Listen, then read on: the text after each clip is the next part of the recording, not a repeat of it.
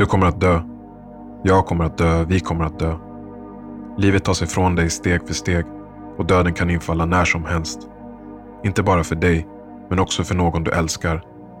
Tanken på döden, att tiden rinner ur dina händer som sand, kanske skrämmer dig.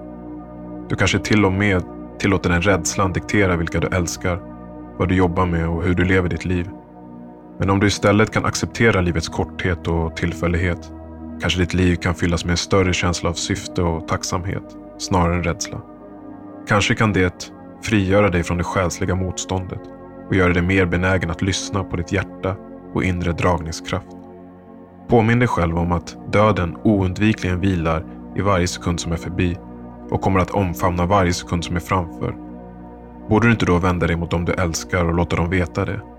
Borde du inte vända dig mot det du älskar och ge det näring så att du kan vakna upp till något meningsfullt med glädje, styrka och energi? Ett liv värt att dö för är en podcast där vi kommer lyssna, läsa och reflektera kring olika förhållningssätt för att kunna leva ett liv med en känsla av frihet, samhörighet och autenticitet.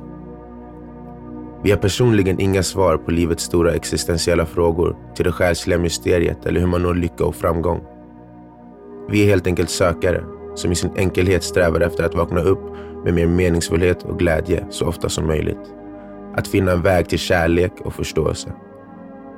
Förutom vår egen utveckling hoppas vi på att vår podd talar till dig som kanske ibland känner att du är inlåst i någon sorts förklädnad. Där du försöker leva upp till en roll som är definierad av andra än dig själv. Att stå på insidan och tittar ut. Eller på utsidan och tittar in. Istället för att stå i mitten och se dig omkring. Du som kanske letar efter en nyckel till att låsa upp dörren och frigöra din fulla potential. Till att skapa och uppleva ett liv värt att dö för.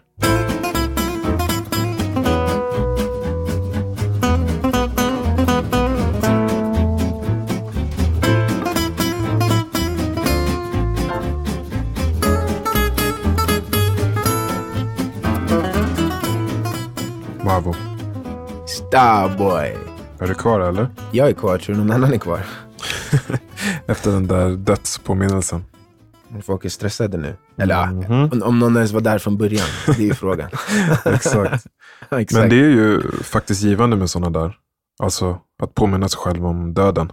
Jag tycker ju verkligen det. Det är så jag förhåller mig till livet i stort. Egentligen varje dag. Eller så här, eller jag får ju påminna mig själv, men det är så jag försöker att förhålla mig till livet. Just det. Eh, jag tror att det ger ett, liksom, eh, ett bättre perspektiv när man ska ta sina beslut och eh, hur man bestämmer att leva. Liksom. Ja, alltså inom buddhismen finns ju Maranasati som eh, refererar till olika meditationsövningar. Där man just påminner sig själv om att döden kan infalla när som helst. Och att finna frid med den tanken. Exakt. Det var ju det som inspirerade oss att skriva den där lilla dödspåminnelsen i början. Um, det påstår ju att man bo- medvetet borde tänka på döden ofta. Alltså inte bara aktivt under, under meditation, men typ hela tiden. Mm. Och det ska då bland annat stärka ens eh, tacksamhet för livet och det man har. Det ska förminska dödsångest och att man inte ska vara rädd för att dö. Alltså att komma till frid med döden som ju är oundviklig. Mm. Mm. Kanske man kan leva ett rikare liv med större empati och inte eh, emotionellt binda sig fast vid så mycket saker och ting. Eftersom att allt bara är en tillfällighet och döden just kan infalla när som helst. Men vad innebär det då, Madi? Alltså det, att den kan infalla när som helst? Alltså för mig betyder det att jag inte vill ångra något. Jag menar när det väl händer, alltså att jag dör. Mm. Och eh, eftersom, jag, eftersom att jag egentligen har väldigt lite kontroll över när det ska hända, så gäller det för mig att eh, dagligen ägna mig åt saker som jag faktiskt vill göra. Och att vara den personen som jag just vill vara.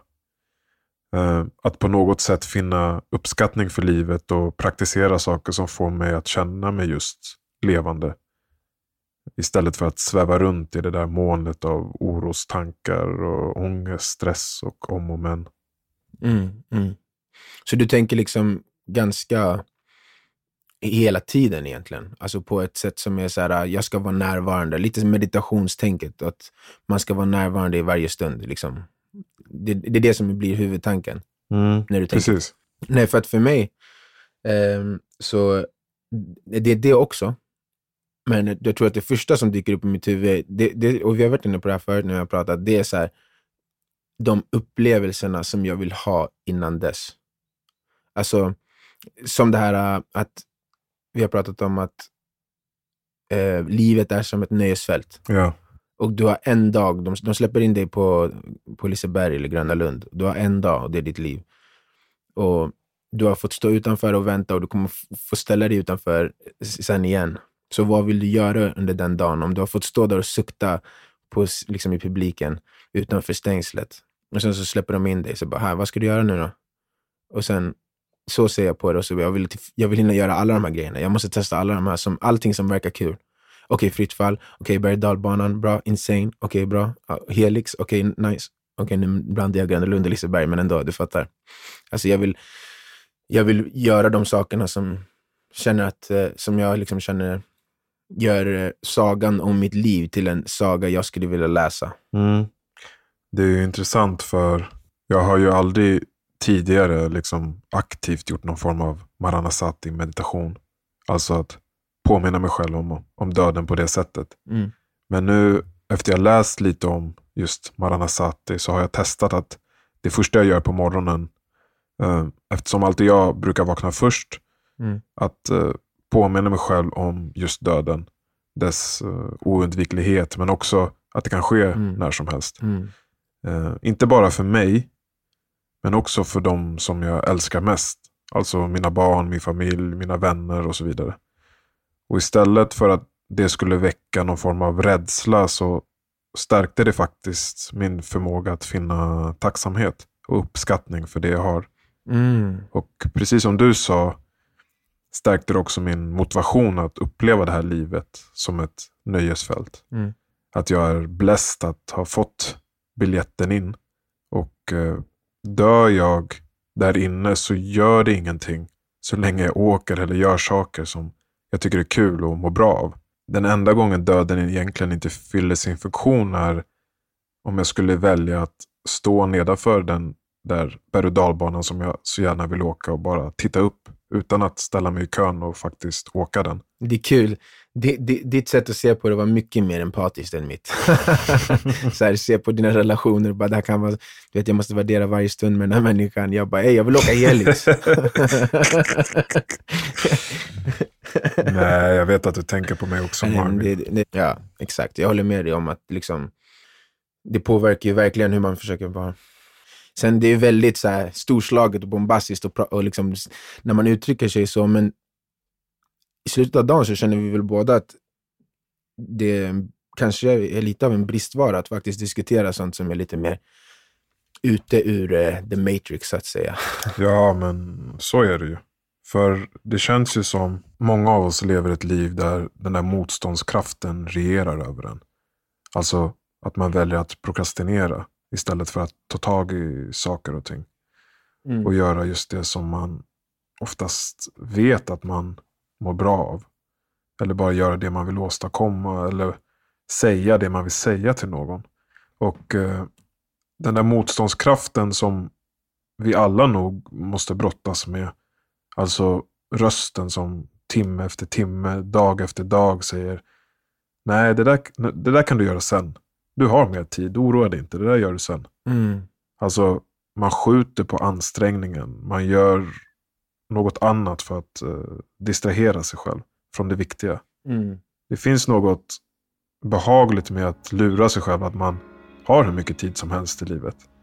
Att få saker gjort. Men ofta slutar det ju med att man inser att snart är det slut och snart kommer döden infalla. Och då, ja, då ångrar man sig. Mm.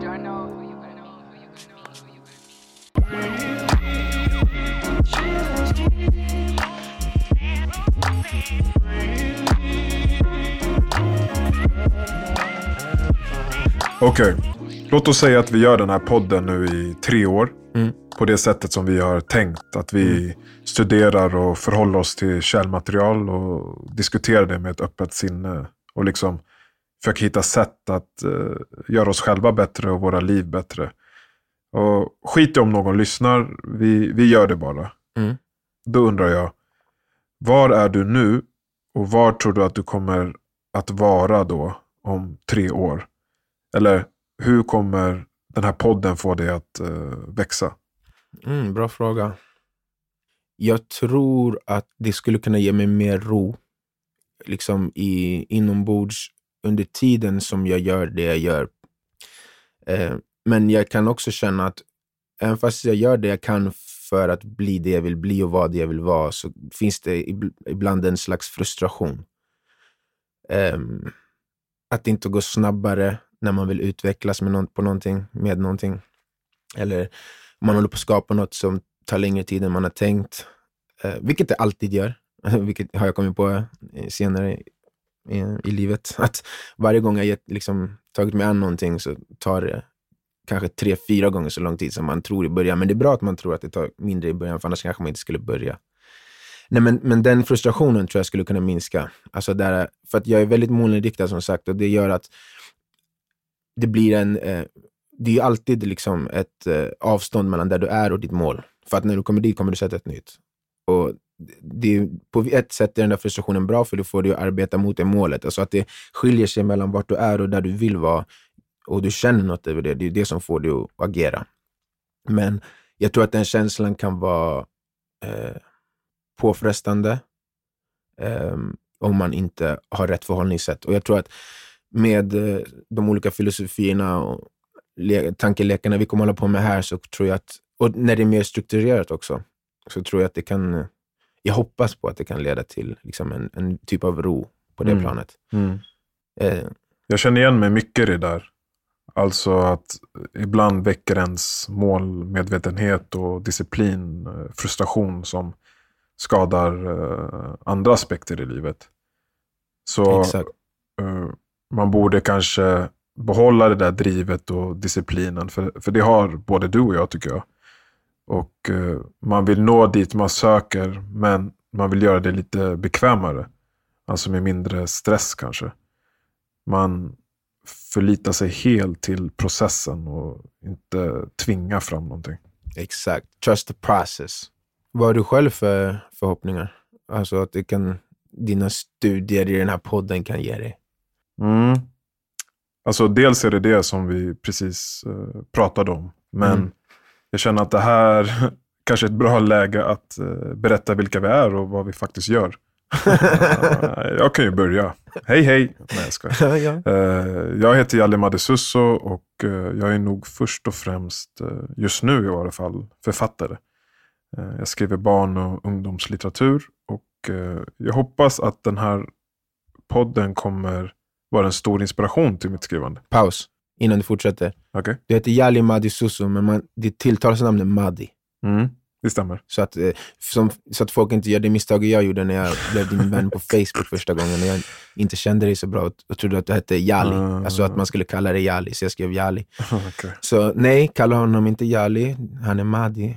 Ja, fast uh, min släkt i Gambia har ju alltid kallat mig för uh, Jali Madi. Mm. Men i Sverige har jag, har jag inte använt det namnet förrän jag faktiskt började mitt uh, författarskap. Och det är ett namn som jag ärvt från, från min släkt i, i Gambia då. Och eh, ja, jag är döpt efter min farfar som också hette Jalli Madi. Och eh, Jalli kännetecknar en västafrikansk historieberättare, en grio.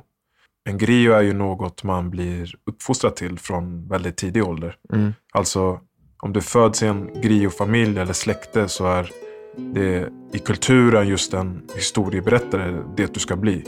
Och eh, dina föräldrar eller någon annan närstående släkting har som plikt att eh, lära barnet spela ett instrument som kora, ngoni eller trummor och lära ut eh, de här berättelserna som, som de ska, sedan ska förmedla till, till eh, andra människor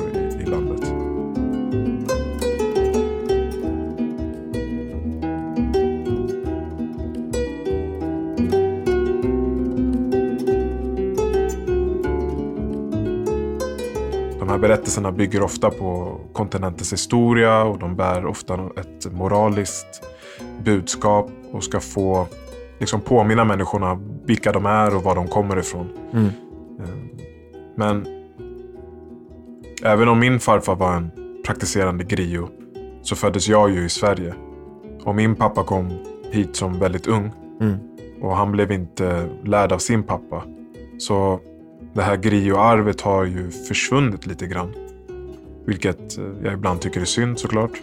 Mm. Men så fort jag började skriva på riktigt och, och tänkte att eh, ja, jag vill skriva böcker, jag vill bli eller vara en författare. Eh, började jag mer och mer liksom identifiera mig som en griot. Och min mamma, min mamma är ju svensk. Och eh, författare sedan ja, nästan 30 år tillbaka. Så nu känns det ändå väldigt naturligt för mig att, att berätta och skriva och sånt. För det är ju inte det är ju inte någonting som jag har under min uppväxt tänkt att jag ska bli. Nej. Vi kommer ju återkomma till det sen. Mm. Så nu är du en griot. Du sitter här och skriver dina berättelser. Det, det är ändå häftigt att du blev döpt, eller hela ditt släkte kommer från folk som skriver berättelser, och, eller återberättar berättelser och musik. Ja. Du ska också få säga vad du heter och eh, vad du gör. Sen tänkte jag att vi skulle ställa varandra lite frågor. Yeah. Det blir väl bra? Det blir jättebra. Men jag heter ju Marvin Asante. Jag eh, är eh, musiker, sångare, eh, lärare. Jag är utbildad ekonom. Från Handels. Jag var basketspelare för eh, Professionell, sluta vara så ödmjuk. Nej, men jag, jag känner att du håller tillbaka Ja. lite här. Så att, eh, jag har några bra frågor till dig som, som eh, jag vill ställa. Okej då. För det som är viktigare än vad du faktiskt har gjort och, och vem du kanske är, är hur du tänker. Eller det är viktigt vem det är också, men jag tror att de här frågorna kan representera dig på ett bra sätt och eh, sätta lite tonen för, för podcasten. Mhm. Um, Okej, första frågan. Skulle du hellre leva 120 år i ett eh, säkert och ganska lågmält liv Så här, bekvämt men inte särskilt eh, spännande eller så. Ja, precis. Eller skulle du leva 60 år, men ett mer äventyrligt liv där du tar fler risker och ja, sådär. Eh, vad, vad tror du? Uh, alltså nu när jag läser frågan så tycker jag det är ganska självklart. ja, men exakt. För att jag tänkte säga, jag bara 100% uh, option number two. Mm. Alltså eh, 60 år, men kul. Men jag vill, som du vet så vill, försöker jag ju leva så länge som möjligt. Så jag, jag menar, det behöver inte vara ett motsatsförhållande där.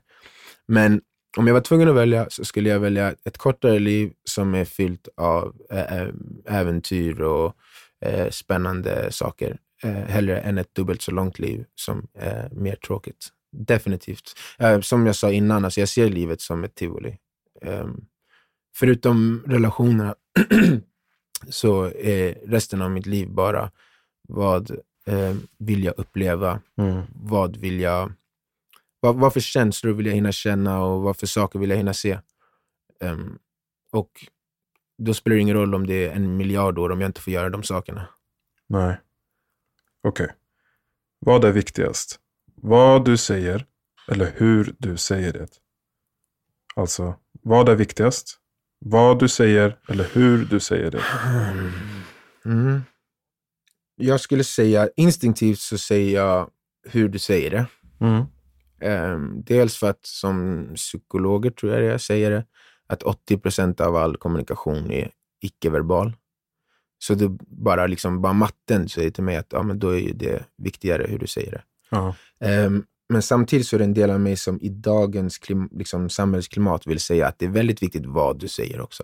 Alltså för att nu är det som att så här, um, vi bråkar över hur någon har uttryckt sig eller sånt, men vi pratar inte om när folk ljuger.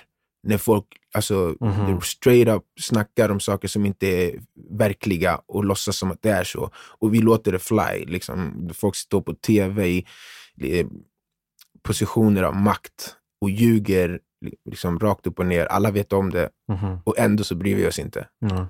Så mitt svar är väl kanske så här, eh, generellt så säger jag hur du säger det. Just nu, vad du säger.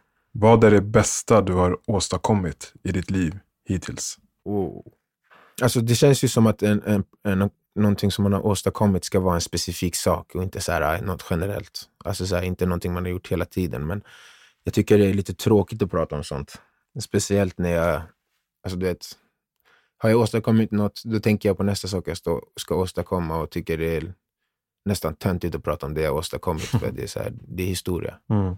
Så om jag säger generellt så skulle jag säga att jag känner att i eh, min ensamhet, eh, när jag sitter och tänker över mig själv, min karaktär och hur jag lever mitt liv, så kan jag känna att jag har lyckats åtminstone alltid försöka leva efter de principerna jag har, de värderingarna jag har.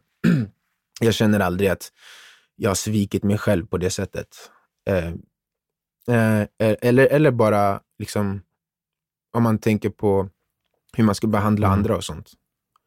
Alltså att det har aldrig varit perioder där jag medvetet, där jag vet att det här är inte rätt, men jag, men jag gör det för att det är trevligt eller skönt eller så. och på grund av det så känner jag att jag har fått en, en viss självkänsla. För att jag känner att jag lever upp till den personen jag tycker att jag ska vara. Som jag tycker att jag ska vara, inte som andra tycker att jag ska vara. För det, där har jag failat många gånger. Okej, sista frågan. Och den får du tolka lite som du vill. Vad är meningen med livet? Wow. Vilken eh, liten eh, lätt och nätt fråga du kastade. Um, jag tror först och främst att eh, det finns ingen generell mening med livet. Man måste skapa sin egen mening med livet. Det finns ingen, eh, liksom, som jag ser på livet och världen och universum, så finns det ingen eh, liksom, eh, regelbok som, där det står så här, det här är rätt, det här är fel. Utan allting handlar om vår upplev våra upplevelser och vår upplevelse av livet. Eh, och vad vi vill att den ska vara. Eh, så, ja men i upplevelser blir det väl då. Alltså meningen med livet är upplevelser. Du ska fylla ett liv med så många positiva upplevelser som möjligt och så lite negativa som möjligt.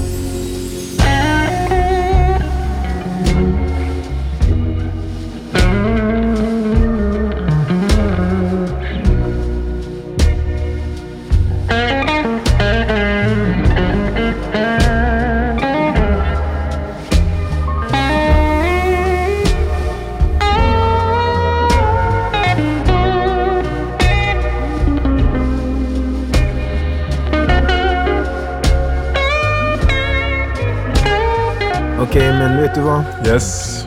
Jag känner att eh, det är lite för mycket om mig just nu. Så, Madi, Mm. vad tycker du bäst om hos dig själv? Hmm. En sak som jag tycker att jag är bra på är eh, min förmåga att inte underhålla negativ energi. Mm. Alltså att inte låta något utanför min kontroll bestämma över mitt eh, välmående. Det är klart att ibland känns saker och ting jobbigt och så, men Mm. jag har ändå större delen av mitt liv kunnat leva ganska balanserat. Både emotionellt och praktiskt. Mm. När ett eh, gupp eh, på vägen eller något jobbigt uppstår så har jag ganska bra tekniker att eh, handskas med det. Mm. Alltså istället för att gå in i mörkret, tycka synd om mig själv och göra något destruktivt så brukar jag istället försöka göra allting jag gör lite bättre och skarpare. Mm. Mm. Och liksom mata mig själv med, med tankar om att det här motståndet eller det här jobbiga kommer att leda till något bra och när det är slut så kommer jag vara en bättre person och, och min situation vara bättre. Mm. Du är väldigt pragmatisk och stoisk. Du är liksom, det här med, ja igen, som jag pratade om också, din monkey brain, den vinner nästan aldrig. Det är faktiskt väldigt fascinerande. Ja, det är som när vi brukade hänga back in the day och sen alla ville hänga till sent på natten och du bara kollar på klockan och bara, klockan är mycket. Det betyder att jag borde gå hem. Så jag går hem nu. Nej Matti, stanna! Jag kommer gå hem nu. Hej då. Som Skalman. och sen försöker jag göra samma sak. Jag bara, okej nu ska jag gå. Och sen bara, nej Mario stanna. Jag bara, okej då. Stannar, somnar på soffan. yes, okej nästa fråga. Madi, Vad är din största rädsla? Jag är nog rädd för att eh, tappa mig själv. Alltså att hamna på en plats där jag förlorat förmågan att lyssna på min, på min egna röst. Eh, att identifiera den och eh, inte ha modet att lyssna på den. Mm. Alltså att istället formas jag och, och definierar jag mig själv genom utomstående faktorer. Och, och att, att jag ska leva i någon sorts eh, lögn. Men när du säger så, Mm. så tänker jag, du är så långt ifrån det, att det känns inte som att den rädslan någonsin väcks inom dig där din eh, kropp reagerar.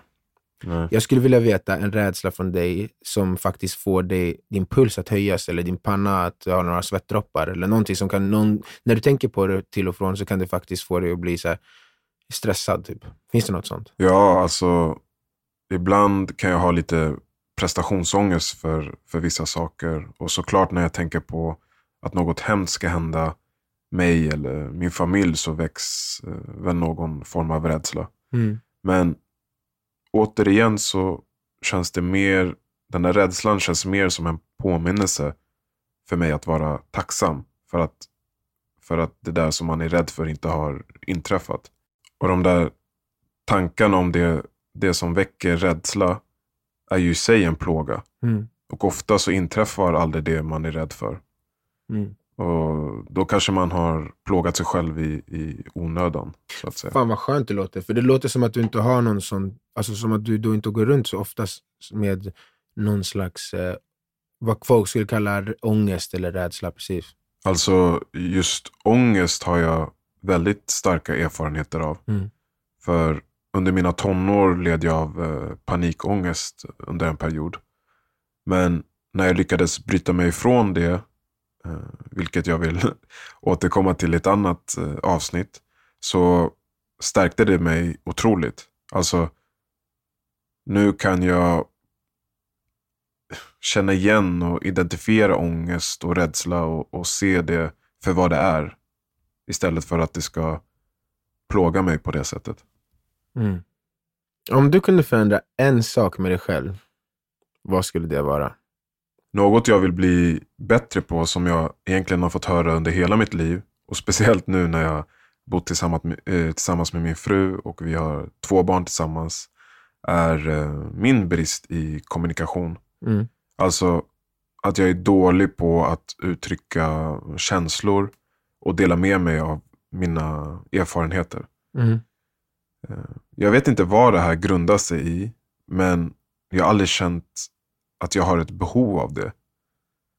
Och där kanske det finns en, en rädsla. Eh, kanske en rädsla för att verka sårbar eller att jag är konflikträdd. Eh, ja, jag vet inte. Men det jag har förstått är att folk i min närhet, alltså typ min fru, mamma, pappa och även andra vill ju faktiskt ta del av mina känslor och upplevelser. Mm. Men det har varit svårt för mig att göra det för eh, någon annan.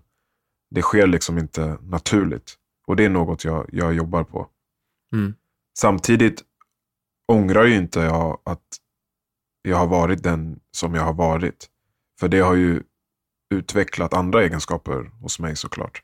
Till exempel som min förmåga att tänka, eh, min fantasi och kreativitet och sådär.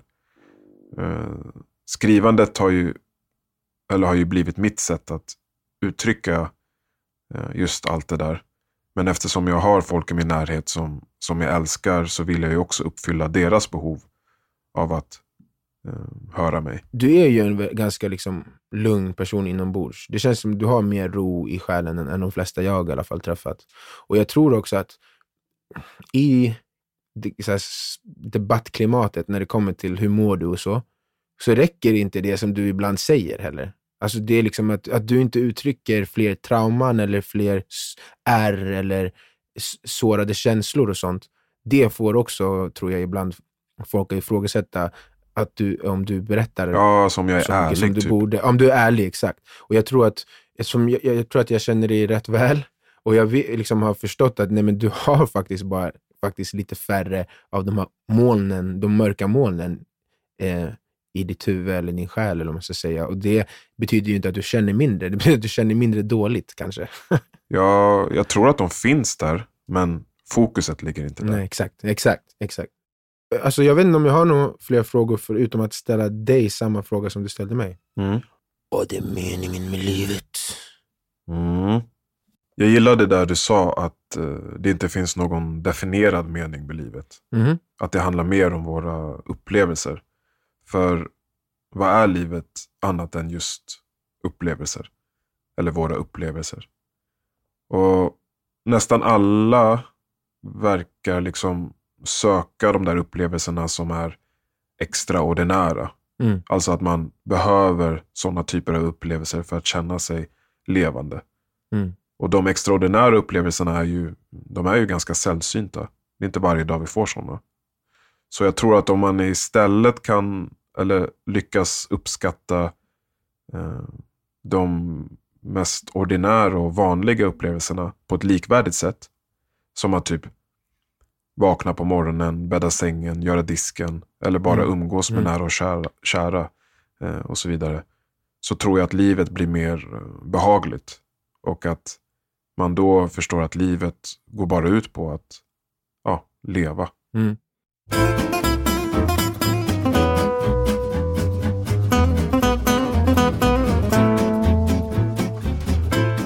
Alright Maddi, men eh, det kanske skulle passa att avsluta där, eller vad säger du? Jo, det tycker jag faktiskt. Jag tror att Ja. om det är någon som lyssnar så har de i alla fall fått ett hum om vilka vi är. Och eh, Mm. vad eh, podden kommer att handla om. Exakt, exakt. Det här var ju bara ett eh, introduktionsavsnitt. Nästa vecka så sätter vi igång på riktigt. Eh, och vad ska vi göra då? Inför nästa vecka ska vi ju läsa boken Siddhartha av Hermann Hesse. En bok som eh, jag vågar påstå är en av mina favoritböcker. Som har hjälpt mig att eh, växa under en period där jag sökte väldigt mycket inom mig själv. Om det är någon som lyssnar och eh, kanske vill liksom maximera vad ska man säga, samtalet nästa vecka så kan man ju eh, läsa den boken. Och det är en ganska kort bok. så att på en vecka borde man läsa den. Alltså Siddhartha av Hermann Hesse.